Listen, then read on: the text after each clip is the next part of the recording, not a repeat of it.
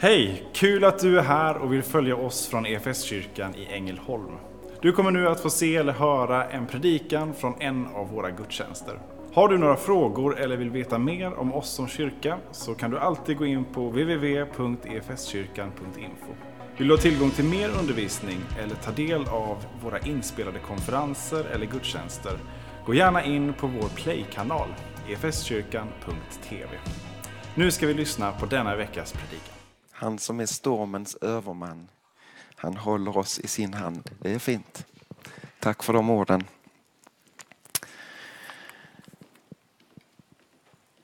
Så är vi där. Eh, tredje advent. Och eh, jag vet inte hur, eh, hur ni är, om ni har någon sån här adventslucka som man öppnar en varje dag. Jag har inte det för tillfället men man har ju många kära minnen av det. Eh, sen man var barn och man vaknade med förväntan, och nu får man sprätta upp luckan. Men får vi ändå tänka lite bildligt så, eh, så har ju advent sina fyra tydliga luckor i de fyra söndagarna i advent. Och skulle vi då öppna dagens lucka, den här tredje advent, så bakom den luckan så skulle vi finna en rubrik som absolut har sitt historiska förankring i ett tydligt då men som också har en hälsning som, som gäller alla tider, också vår, vår tid och våra liv. Nämligen den här pampiga rubriken Bana väg för Herren. Bana väg för Herren. När jag eh, satt med med predikoförberedelserna i veckan och skulle börja nedteckna den så tänkte jag att jag får skriva det som en rubrik. Och så, för att, eh, så ja, men som rubrik så skriver man ju då Bana väg för Herren och så vill jag ändå datera den för att kunna få in det i mina andra koncept och förberedelser. Och så stod det plötsligt Bana väg för Herren 2022. Och när jag såg det så bara ja, just det. Det handlar också om vår tid här och nu. När vi öppnar den här luckan så får vi också möta en speciell person. En person som stod Jesus väldigt nära, var jämngammal med, med Jesus och var eh, också släkt med honom. Vi får möta en man som är ja, ganska exakt sex månader äldre än vad Jesus är eller var. Och en person som reagerade på första gången han fick möta Jesus fast de ännu inte var födda. Det är ju Johannes som ligger i sin mammas inre och väntar på att få, få förlösas fram i den här världen. Han spritter till av fröjd och glädje kan vi läsa när Maria kommer och säger att jag väntar ett barn. Och det är som att Johannes redan då vet vem det är som ligger där på andra sidan. Om man säger så. Han spritter till av fröjd och glädje. Den gamla rubriken för den här söndagen är Vägröjaren med tydlig liksom, koppling till Johannes döparen. Och jag tänker redan här så, åh, när jag tänker en vägröjare, det är någon som åh, röjer undan och gör i ordning för att man lättare ska komma fram. Och eh, det är kanske också det som ger sig uttryck här i Elisabets inre. När Johannes föddes och när han på åttonde dagen skulle omskäras så utbrister Johannes far en fantastisk lovsång, Sakarias lovsång. Och där han uttrycker bland annat så här över det barn som de bär fram. Och du mitt barn ska kallas den högstes profet, så du ska gå före Herren och bana väg för honom. Och så kan vi ana att den här pojken som av Elisabet och Sakarias är avskild för ett speciellt sätt för Gud att få växa upp som nasir. En speciell tjänst inför Herren. Hur han växer upp och blir stark i anden och så står det också beskrivet att han ja, finns och rör sig i öde marker. Och där någonstans ska vi ta vid och läsa dagens evangelietext. Och i vördnad för det heliga ordet. Så här gör vi inte alltid, men idag, om du orkar, så står vi upp och läser ifrån Lukas evangeliet 3 och de 15 första verserna. Under femtonde året av kejsar Tiberius regering, när Pontius Pilatus var ståthållare i Judeen, Herodes tetrark i Galileen, hans bror Filippos i Itureen och Trakonitis och Lysanias i Abilene. Och när Hannas och Kajafas var överste präster, då kom Guds ord till Sakarias son Johannes i öknen. Han begav sig till eh, trakten kring Jordan och förkunnade överallt syndernas förlåtelse genom omvändelse och dop. Som det står skrivet i boken med profeten Jesajas ord. En röst ropar i öknen, bana väg för Herren och gör hans stigar raka. Varje klyfta ska fyllas, varje berg och höjd ska sänkas. Krokiga stigar ska rätas och steniga vägar jämnas och alla människor ska se Guds frälsning. När folk kom ut i stora skaror för att döpas av honom sa han till dem, huggorms yngel, vem har sagt att ni kan slippa undan den kommande vreden? Bär då sån frukt som hör till omvändelsen och börja inte säga er, vi har Abraham till fader. Jag säger er, Gud kan uppväcka barnet Abraham och dessa stenar. Redan är yxan satt till roten på träden. Varje träd som inte bär god frukt ska huggas bort och kastas i elden. Folket frågar honom, vad ska vi då göra? Han svarar, den som har två skjortor ska dela med sig åt dem som ingen har och den som har bröd ska göra på samma sätt. Även tullindrivare kom dit för att bli döpta och frågade honom, Mästare, vad ska vi göra? Han svarade, Driv inte in mer än vad som är fastställt. Och när det kom soldater och frågade honom, och vi, vad ska vi göra? Då sa han till dem, pressa inte av någon pengar med våld eller hot, utan nöj er med er såld. Folket var fyllt av förväntan och alla frågade sig om inte Johannes kunde vara Messias. Så lyder det heliga evangeliet. Lovad vare du Kristus.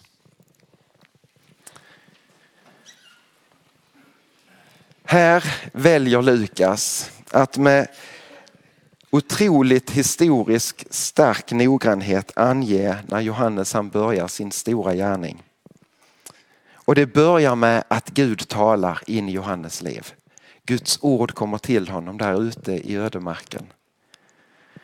Och det är en tid som i mångt och mycket är lik många andra tider och kanske också vår tid. Det var en mörk tid.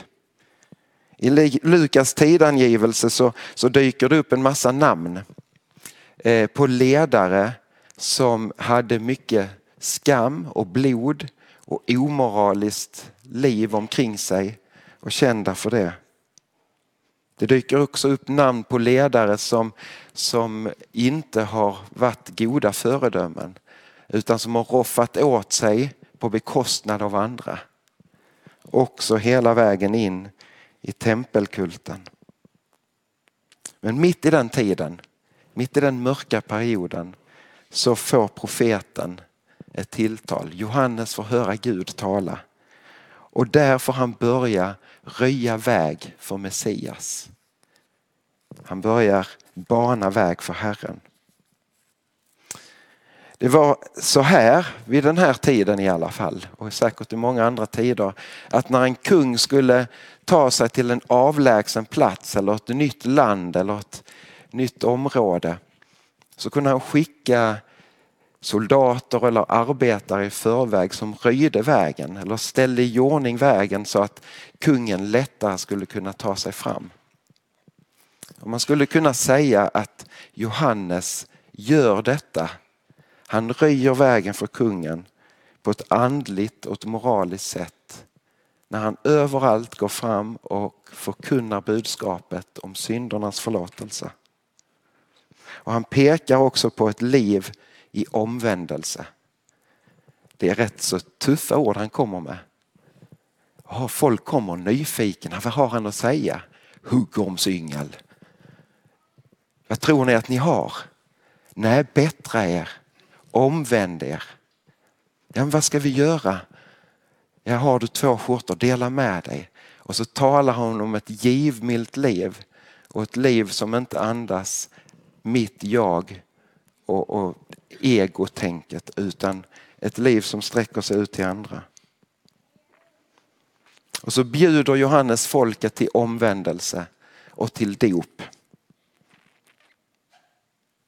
Ett dop som betonade hjärtats förvandling. En, en insikt om sorgen över synden i ens liv. Att lägga det bakom sig och faktiskt säga jag vill leva ett heligt liv inför Gud. Så får Johannes stå en mäktig väckelserörelse där han får döpa mängder av människor som kommer med just den inställningen. Det står inte rätt till med mig. Jag behöver vända om och jag behöver ta sikte mot ett heligt liv. Och så i detta så betonar Johannes för folket och också för sig själv. Vi är i behov av en frälsare. Vi är i behov av hjälp. Men han visste också att det inte handlade om honom. Man kan ändå bara fundera på hur lätt det skulle vara att förirra sig i den här framgången som det ändå kanske är. När mängder av människor söker sig dit. Och, och liksom, oh, wow, det här händer ju saker. Och folk faktiskt börjar ställa sig frågan, är detta kanske Messias? Någon kommer också med frågan vid ett annat tillfälle. Ja, men om du inte är Messias, är du Elia, den stora profeten? Och han liksom avvärjer sig hela tiden för frestelsen att upphöja sig själv. När han vet att den som kommer efter mig är större. Det handlar inte om mig. Jag är inte ens värdig att falla på knä och knyta upp sandalerna på han som kommer efter som ska döpa er med helig ande och med eld. Han vet detta. Men Johannes som fick stå mitt i den här väckelsen och vara en del av den. Han pekar på fram på det som, som ska komma. Han banar väg för Herren. Han förbereder folket på vad Gud vill göra.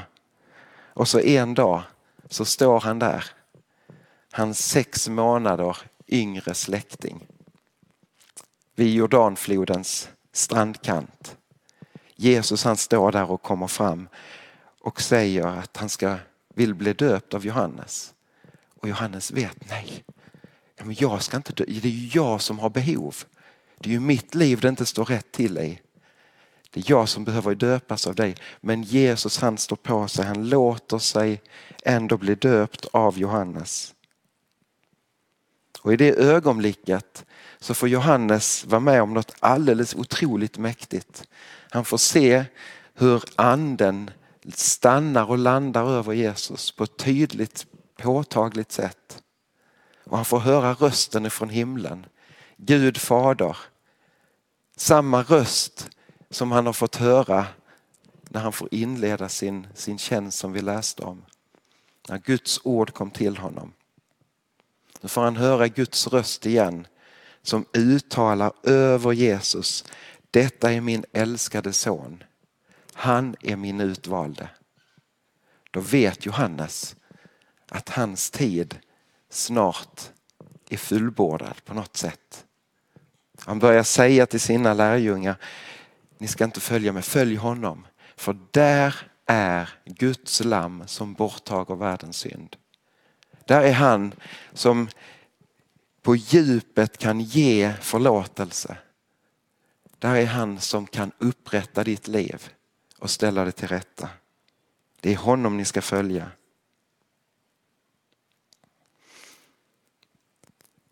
Johannes han fick dyka upp som en profetröst i en tid där, där profetrösterna hade varit tysta i många hundra år. Men nu så växte en, en förväntan ibland folket. Åh, någonting är och färde. Och så får någonting ske mitt i deras svåra tider och deras mörka tillvaro. Mitt i deras tid så bryter ljuset fram från Gud själv. Jag har inte förberett er tekniker på detta men jag hoppar ändå bara in i Johannes evangeliets inledning. Från vers 6 så står det, det kom en man som var sänd av Gud och hans namn var Johannes. Han kom som ett vittne för att vittna om ljuset så att alla skulle komma till tro genom honom. Själv var han inte ljuset, men han skulle vittna om ljuset. Och det sanna ljuset är Jesus själv. Johannes han fick betyda något alldeles speciellt. Jesus han säger ingen är större än, än Johannes.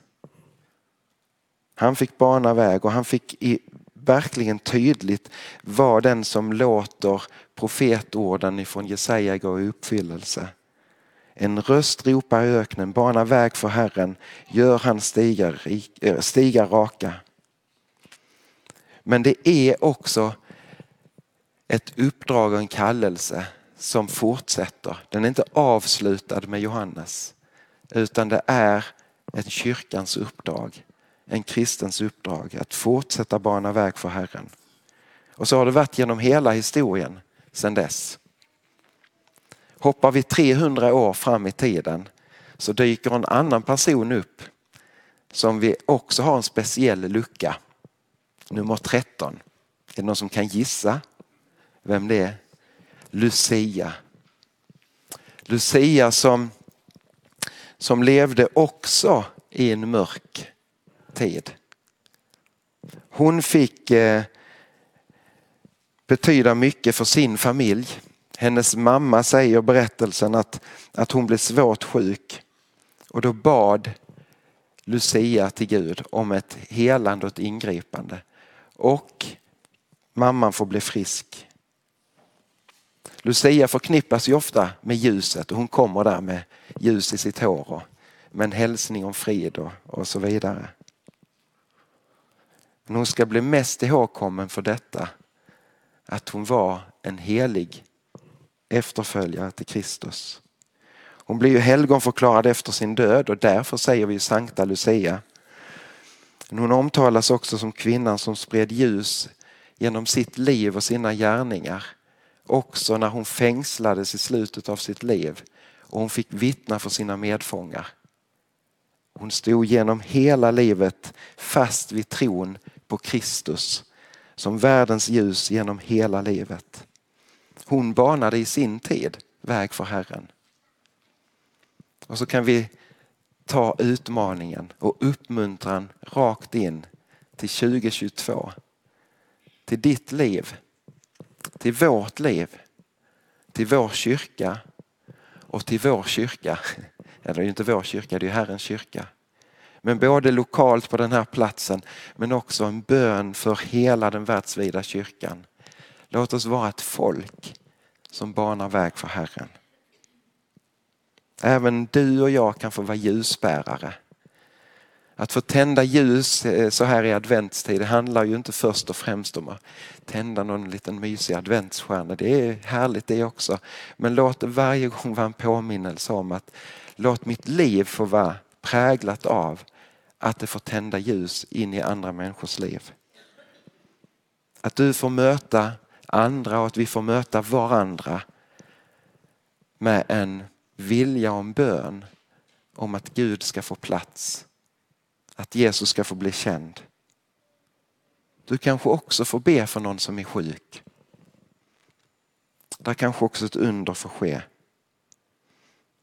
Och se aldrig ner på det där lilla samtalet som du kanske får ha med en vän, en arbetskamrat, en granne eller vem det nu är som kommer i din väg.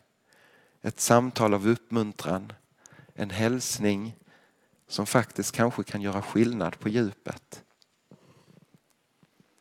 Låt oss vara ett folk som fortsätter att be om att vi får vara Guds utsträckta händer i vår tid, också i en mörk tid. Att fortsätta be om fred och frid i det lilla och i det stora. Vi får fortsätta att mana varandra till ett liv i omvändelse och att leva i förlåtelsen. Det är fantastisk gåva att få leva i förlåtelsen. Att få ta emot och sen ge vidare det som vi har fått som gåva. Att andra människor skulle få se ljuset och få sitt liv genomsyrat av honom som är det sanna ljuset. Så låt oss fortsätta där vi kan bana väg för Herren. Amen. Vi ska få be vår gemensamma syndabekännelse och i det också få vända om på nytt inför Herren. Vi ber. Jag bekänner inför dig helige Gud att jag ofta och på många sätt har syndat med tankar, ord och gärningar. Tänk på mig i barmhärtighet och förlåt mig för Jesu Kristi skull vad jag har brutit. Tack Herre att du hör varje hjärtas tysta bön och bekännelse.